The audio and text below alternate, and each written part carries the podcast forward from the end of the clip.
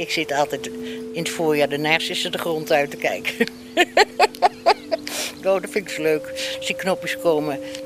En ook als ik een plantje heb gestekt of zo, dan wacht ik ook tot... Ik denk, zou die het doen? Ja. Ja. Ja, daar heb ik heel erg veel geduld voor om daarop te wachten. Ik heb wel eens een tijd gewacht op het antwoord dat uit mezelf moest komen. Ik woonde op IJsland. Ik werkte daar als muzikus in het uh, toenmalige enige orkest daar op IJsland. En ze boden me een contract aan voor het nieuwe seizoen. Maar ik had een geliefde in Nederland. Dus het, is nogal, het was een belangrijke beslissing. Want hij had thuis een zoon. En ik kon het antwoord niet afdwingen. Dus dan is het vraagt dus een bepaald wachten. In de late middeleeuwen. En het wachten op dat antwoord, dat vond ik echt vreselijk. Er werd eigenlijk net zoveel tijd aan het wachten besteed als nu. Zo'n 30 minuten per dag. Oftewel 3% van het waakzame leven. Dus na slapen en eten is wachten daarmee de derde grote tijdsbesteding in het mensenleven. De geboorte van mijn kleindochter. 3% van ons leven, dat komt neer op zo'n 2,5 jaar. Daar ben ik bij geweest. En daar zit de file dus nog niet eens in verdisconteerd. Want uh, ze is alleen, ze is alleenstaande moeder. Dus ik uh, ben mee geweest naar de eerste echo om te kijken of ze zwanger was. Dus dat, uh, ik, ik, heb het eigenlijk helemaal van het moment uh, van het begin af aan meegemaakt. Waar ik eigenlijk op zit te wachten... Dat uh, vond ik wel heel bijzonder om dat te zien. Is mijn innerlijke drive. Dat hij een vorm krijgt. Dus ik weet wel dat hij er is. Nou ja, maar ik ben nog heel erg op zoek naar de vorm. Wachten is ook tot de was droog is. ja. Mijn broertje ja. kwam niet thuis uit school, smiddags. Wij aten thuis warm. Ja, ja tussen de middag. En dan was iedereen aan, zat aan tafel. Ja.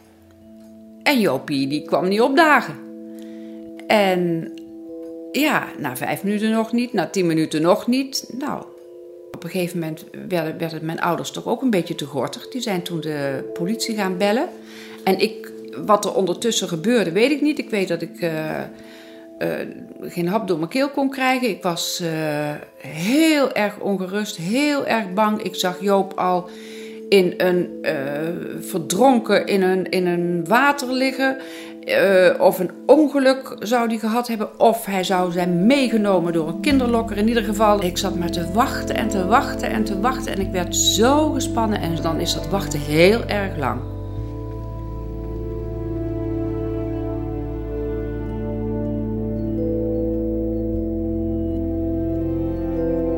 Wachten wordt beloond in gemiddeld zo'n 63% van de gevallen. Aan de ene kant kun je daaruit concluderen dat wachten voordeel oplevert. Maar aan de andere kant kun je ook zeggen dat wachten in één op de drie situaties dus volstrekt voor niks is. Hè? Het, het, het vruchteloze wachten. En toch zijn het precies die situaties die ons hele interessante kansen kunnen bieden. Als je denkt aan uh, verdergaande globalisering, internationale conflicten uh, of zelfs interstellair verkeer, dan is het juist dat vruchteloze wachten. Die staat daar gewoon stil. Waar we veel meer mee gaan kunnen. Ja, neem me niet kwalijk hoor, maar dat, dat, daar staat hij weer dus, hè? Ik denk dat ieder mens in zijn of haar leven veel momenten van wachten heeft. Weet je dat dan al, al nou, zolang als ik hier woon, en dat is al 30 jaar hier, hè, staat die trein daar te wachten.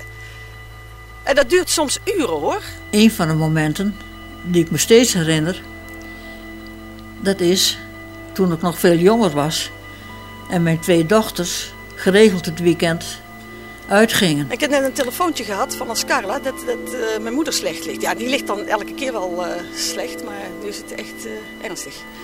Ze moesten dan fietsen van Leeuwarden naar het dorp. Maar als ik dan op zaterdagavond naar bed ging, dan lag ik toch wel een paar uren te denken: hoe zou het met die meisjes zijn? Ik ben alleen maar aan, aan, het, aan het wachten. Zou het wel goed met ze zijn? Wanneer die trein gaat rijden, wanneer mijn moeder. Zouden ze heel huis thuiskomen en ongeschonden? Ja, en dan komt. Uh... Ik, ik, vroeg aan iedereen raad en ik ging I Ching en hoe heet die dingen allemaal, tarot. En ik zit te wachten op. Ik werd er echt helemaal gek van. En in de zomer ging ik terug naar Nederland. En toen besloten wij, oké, we gaan samen naar IJsland. Ja, daar gaat hij. Half uur te laat, hè?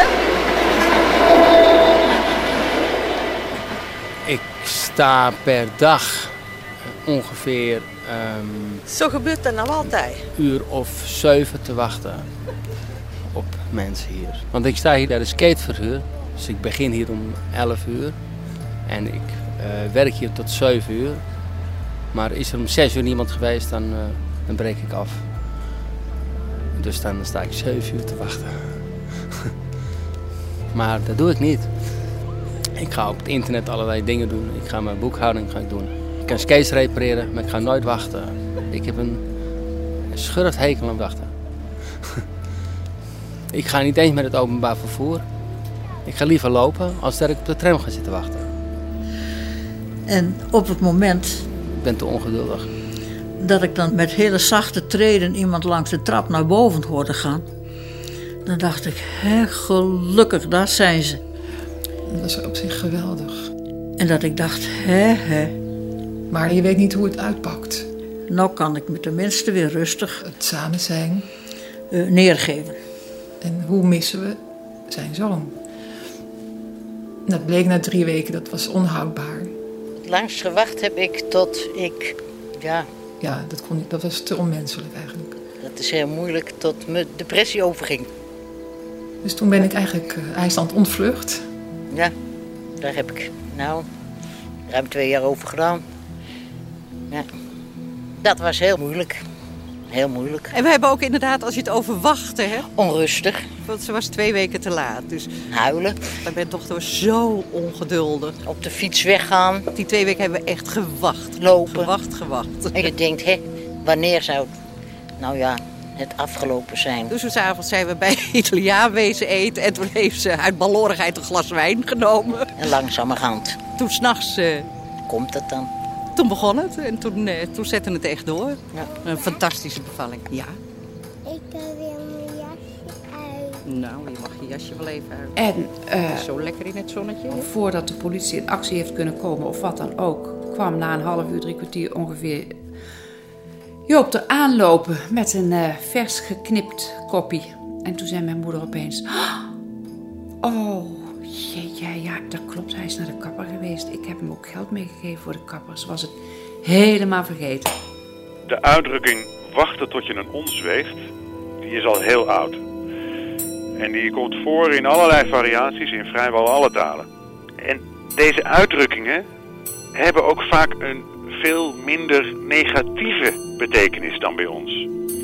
In het Nepalees kennen ze bijvoorbeeld uh, de uitdrukking wachten als een steen op de wind. Dat lijkt direct te verwijzen naar een soort verlichting die het wachten kan genereren. Mits juist toegepast natuurlijk. Ik ben, ik ben nog steeds overtuigd dat ik, als ik me vorm vind, dat het dan alles op zijn plek valt. Dus wachten tot je een ons weegt, betekent dan dus eigenlijk wachten tot je heel licht bent. Maar nog steeds voelt het heel erg als wachten, altijd maar wachten.